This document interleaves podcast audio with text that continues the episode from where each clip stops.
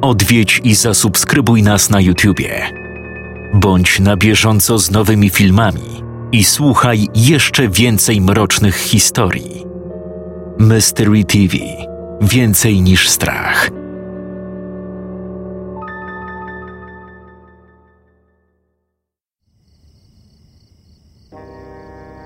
Elizabeth otworzyła oczy i spojrzała na zegarek stojący na szafce nocnej. Druga trzydzieści. Ze snu wyrwało ją dziwne przeczucie. Fala niepokoju, która przeszyła ją niemal do szpiku kości. Dookoła panowała tylko cisza. Odwróciła głowę. Puste miejsce, które jeszcze nie tak dawno zajmowała bliska jej sercu osoba. Jej mąż. Przesunęła dłoń, dotykając prześcieradła po swojej lewej stronie. Serce zabiło jej szybciej. Wiedziała, że to tylko złudne wrażenie. Jednak w tym momencie wydawało jej się, że pościel jest ciepła. Zupełnie jakby ktoś tu był. Jakby ktoś cały czas tutaj leżał. I dosłownie przed chwilą podniósł się, by wyjść do toalety. Miała świadomość, że jest to niemożliwe. Jej mąż nie żyje. Został podziurawiony niczym sito na jej własnych oczach. Widziała jego martwe ciało. Widziała krew. Co więcej, stało się tak na jej własne życzenie. To ona doprowadziła do śmierci własnego męża. To ona zapędziła go w pułapkę, z której nie było wyjścia. Gdyby nie ona, być może wstrzymała oddech. Ciche stuknięcie poprzedzone krótkim szelestem. Ktoś był w kuchni. Dźwięk był bardzo wyraźny. Była w stu procentach pewna, że nie dobiegał z zewnątrz. Odsunęła kołdrę i postawiła stopy na miękkim dywanie.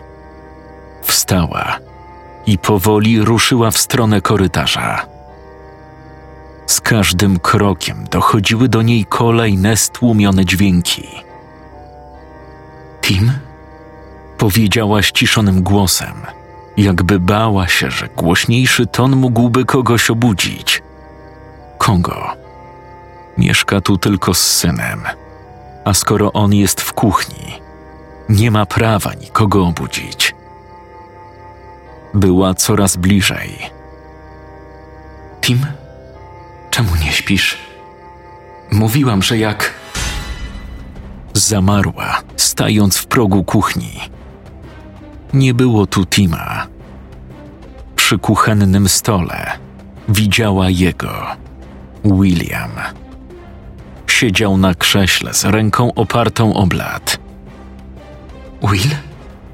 Powiedziała, czując jak zasycha jej w gardle. Jak to możliwe? Przecież ty nie żyjesz? To chciałaś powiedzieć, tak? Cisza. Nie była w stanie odpowiedzieć na to pytanie.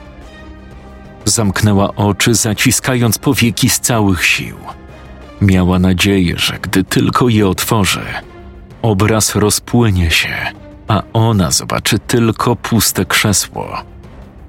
Tak się jednak nie stało. Will nadal tu siedział no, jesteś pewnie z siebie bardzo zadowolona, co? Schwytanie mordercy, który budził postrach wśród społeczności szkolnej. No, chociaż schwytanie nie jest tu odpowiednim określeniem. Will, ja co? Może jeszcze powiesz, że nie chciałaś, co? Nie chciałaś zrobić zasadzki. Nie chciałaś nasłać na mnie całego oddziału uzbrojonej po zęby policji. A co chciałaś? Żebyśmy usiedli sobie wszyscy przy kawce i pogadali? Jak do tego doszło, że zacząłem ćwiartować uczniów swojej szkoły? Taki był plan? Nie, nie. Ja. Chciała coś powiedzieć, wyjaśnić. Jednak żadne słowo nie przechodziło jej przez gardło. Sparaliżował ją strach. Nie była w stanie uwierzyć, że to dzieje się naprawdę, jednocześnie nie będąc w stanie opanować lęku. No właśnie. Taka dzielna, taka odważna. A teraz nagle nie jesteś w stanie mi nic powiedzieć. Jakież to smutne. Jak to możliwe? Jak to możliwe? Sama mi powiedz. Jak to możliwe, że własna żona, od tak, jest w stanie zdradzić swojego męża? Zdradzić w najgorszym tego słowa znaczeniu. William wstał. Elizabeth natychmiast dostrzegła w jego prawej dłoni nóż, którego ostrze niemal lśniło, odbijając białe światło księżyca. Will, proszę. Już za późno, Liz. Nie ma takich słów, którymi mogłabyś mnie przeprosić. Nie ma. Zraniłaś mnie. Zabiłaś mnie. Wbiłaś mi nóż prosto w serce. Serce, które kochało ciebie najmocniej na świecie.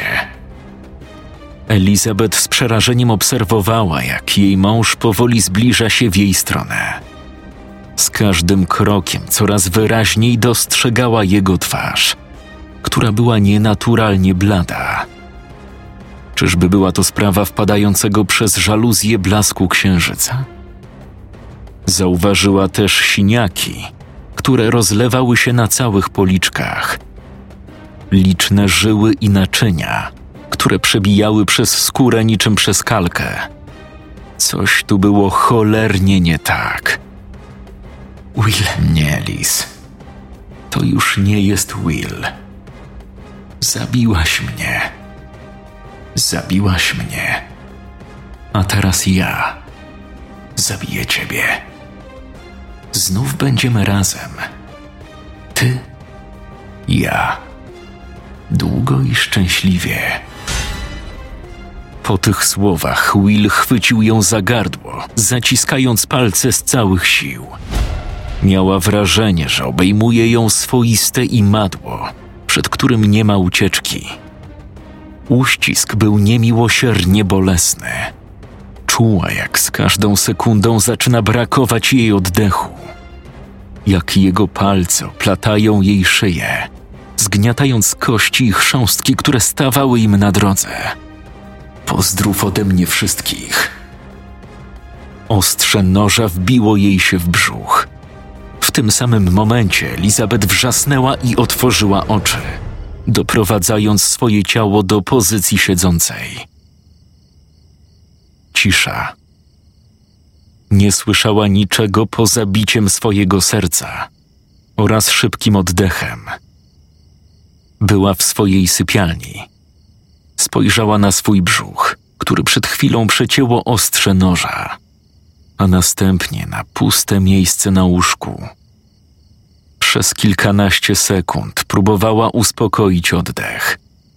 Gdy udało jej się to zrobić, opadła bezsilnie na poduszkę, wzdychając ciężko. Od pięciu lat zadawała sobie to samo pytanie: czy kiedykolwiek przestaną ją dręczyć koszmary?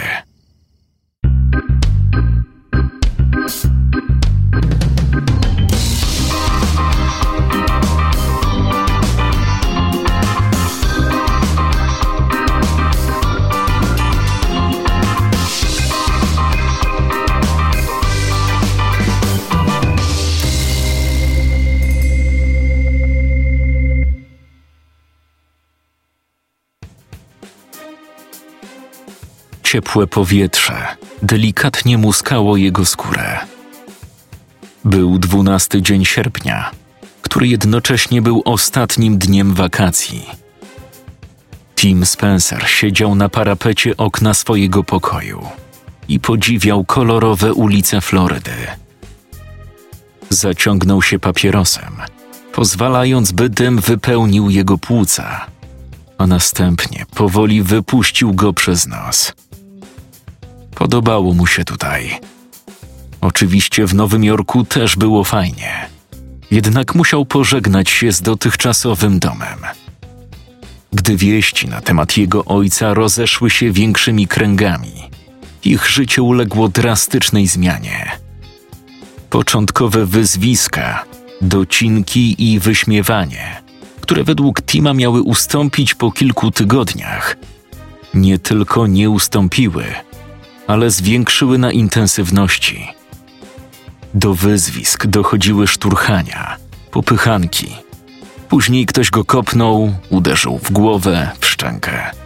Gdy reszta zobaczyła, że bicie Tima Spencera jest w porządku i nikt z tym nic nie robi, a on jako ofiara nikomu nie skarży, to dlaczego ktoś miałby przestać to robić? Najdziwniejsze było to, że nawet szkoła zdawała się być ślepa na to, co go spotykało. Jakby swoim milczeniem dawali przyzwolenie na takie zachowanie.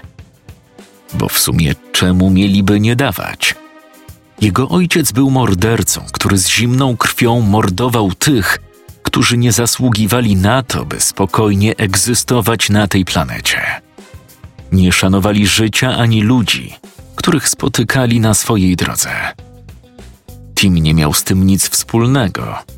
Nie on był odpowiedzialny za te wszystkie zbrodnie. Ale kogo to obchodziło? Nikogo. Był synem mordercy. Jego matka też doświadczyła, ujmijmy to łagodnie, nieprzyjemności. W sumie to nie wiem, czego się spodziewała. Że nagle wszyscy jej zaczną gratulować? Że dostanie awans w pracy, własny, pięknie urządzony gabinet, a kolejka wdzięcznych jej osób nie będzie miała końca? No jeśli tak, to się pomyliła. Nic takiego się nie stało. Wręcz przeciwnie. W pracy zaczęto jej unikać. Ukradkowe spojrzenia, szepty i obgadywanie za plecami. Część osób podziwiała ją za to, co zrobiła – Lecz byli też tacy, którzy twierdzili, że dla ochrony domowego ogniska byliby w stanie zrobić wszystko. Dlaczego zatem Elizabeth nie pomogła mężowi? Dlaczego nie postanowiła zatuszować tych spraw? Podrzucić fałszywe tropy i oczyścić męża z podejrzeń? Zamiast tego zwabiła go w pułapkę i podała organom ścigania na talerzu. Własnego męża, ojca ich wspólnego dziecka. Stało się. Przeszłości nikt nie zmieni. Nikt jej nie cofnie. To, co się wydarzyło, odcisnęło piętno na ogromnej grupie ludzi. Piętno, które było dla nich zbyt wielkie, by funkcjonować z nim pośród sąsiadów, koleżanek i kolegów z pracy. Wśród byłych współpracowników Willa szkole, do której chodziły jego ofiary. Koniec. Kurtyna zapadła, skrywając w mroku ich dotychczasowe życie. Musieli coś zmienić. W noc, kiedy ktoś wybił kamieniem szybę w ich domu, Elizabeth weszła do pokoju Tima. Dostrzegła syna, który siedział z podkulonymi nogami na łóżku i płakał. Gdy zorientował się, że weszła, chciał udać, że wszystko jest w porządku. Jednak matka doskonale wiedziała, że chłopiec jest bezsilny, że to wszystko go przerasta. Stracił ojca, z którym miał świetny kontakt. Tim? Powiedziała, siadając obok niego na łóżku i obejmując go swoim ramieniem. Wszystko będzie dobrze. Już niedługo ten koszmar się skończy. Obiecuję ci. Chłopak siedział wpatrując się nieobecnym wzrokiem w ścianę. Elizabeth wielokrotnie próbowała mu wytłumaczyć to, co się stało, a przede wszystkim wyjaśnić, dlaczego. Niestety, informacja, że ojciec Tima był mordercą, w ogóle nie robiła na nim żadnego wrażenia. Spodziewała się, że gdy syn dowie się, kim naprawdę był jego ojciec, jak mroczną naturę skrywał przed wszystkimi, jak potworne zbrodnie miał na sumieniu, zrozumie jego śmierć i w jakiś sposób pogodzi się z tym. Liczyła, że może nawet pojawi się u niego coś w rodzaju niechęci do ojca. Złość, gniew za to, co zrobił, za to, przez co teraz muszą oboje przechodzić. Dlaczego tak bardzo tego pragnęła? Może dlatego, że pomogłoby to uciszyć jej sumienie, które gdzieś w głębi krzyczało, doskwierało i co jakiś czas dawało o sobie znać. Musimy się stąd wyprowadzić. Zabiorę cię w zupełnie nowe miejsce. W miejsce, gdzie będzie nam zdecydowanie lepiej niż tutaj. Zabiorę cię daleko stąd. Nasz koszmar się skończy, synku. Wierzysz mi? Tim odsunął się od niej i spojrzał jej prosto w oczy. A tata? To pytanie ją zaskoczyło. Przez moment nie wiedziała, co konkretnego ma na myśli. Przecież Will nie żył. Doskonale o tym wiedział. Synku, tata przecież wiem, że nie żyje, ale wciąż jest tutaj pochowany, prawda? Chcesz go całkowicie porzucić? Tim, to nie tak. A jak? Tata kochał nas najbardziej na świecie. Zawsze robił dla nas wszystko. Zginął zamordowany przez służby. Tak, wiem co robił. Ale to nie zmienia faktu, że był moim tatą i twoim mężem. Kocham go.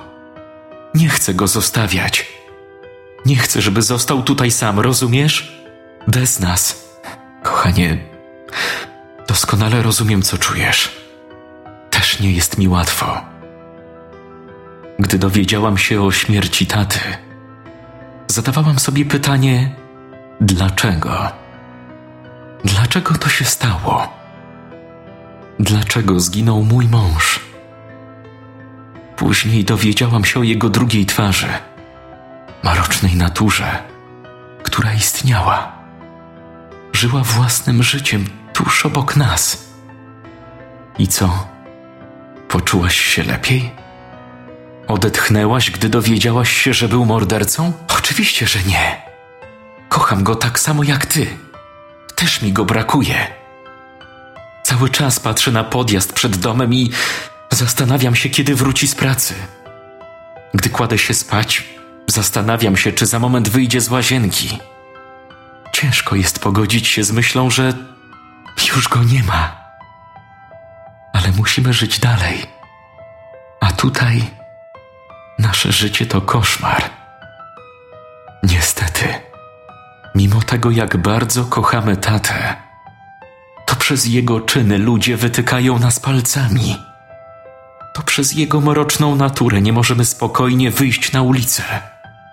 To przez jego morderstwa nie mogę wykonywać swojej pracy, bo każdy się na mnie gapi. Słyszę, jak obgadują mnie za plecami. Słyszę, jak mówią żona mordercy. Wiesz, o czym mówię, Tim niezauważalnie skinął głową.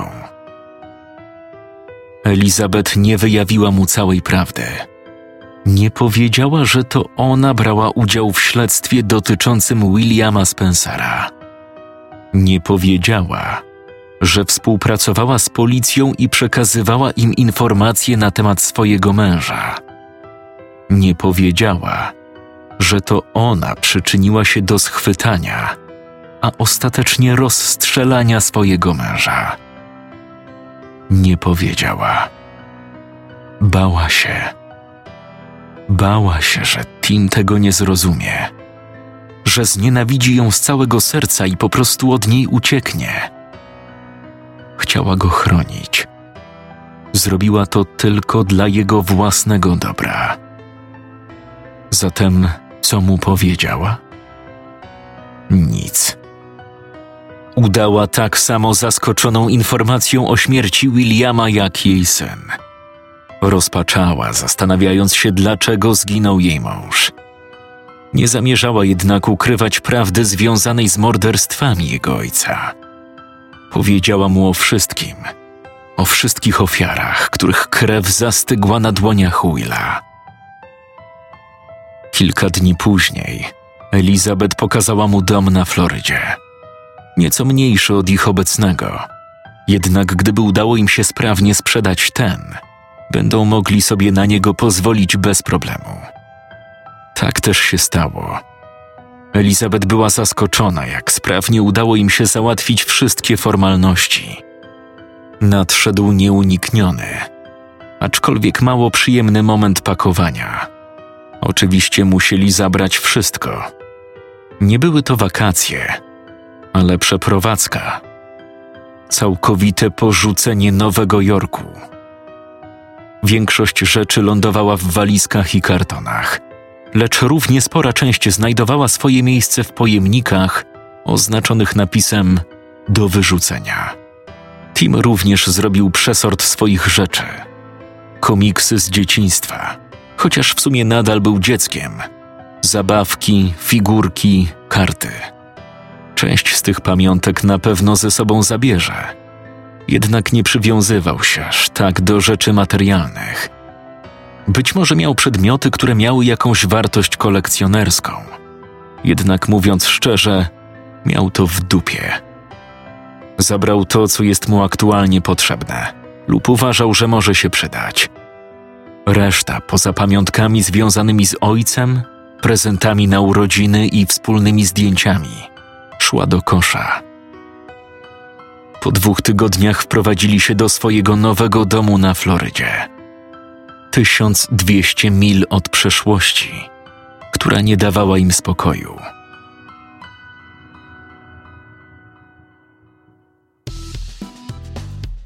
Pierwsze wrażenia były niesamowite. Oczywiście nie tylko pierwsze.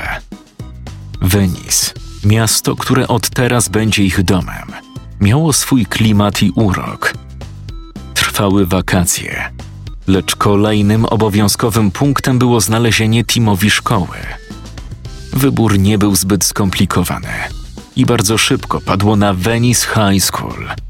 Obiekt był na bardzo wysokim poziomie. Szkoła robiła bardzo dobre wrażenie, zarówno pod względem wizualnym, jak i metodycznym. Gorzej było ze znalezieniem pracy dla Elizabeth. Mówiąc wprost, nie chciała wracać do pracy w prokuraturze. Natychmiast ktoś zorientowałby się, że Elizabeth Spencer to żona Williama Spencera, słynnego nauczyciela mordercy z Nowego Jorku.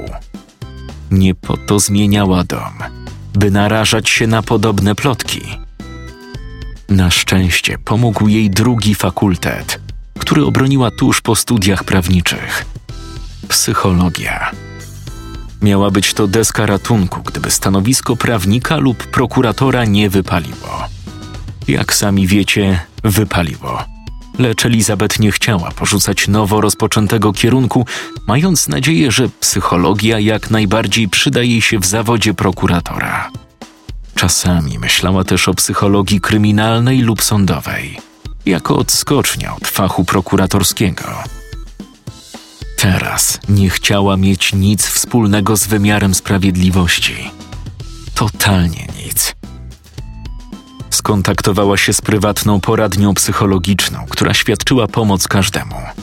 Była to dość renomowana klinika, w której usługi świadczyło około 20 psychologów. Oczywiście tylko kilku na całych etatach. Pozostali bywali tu z doskoku.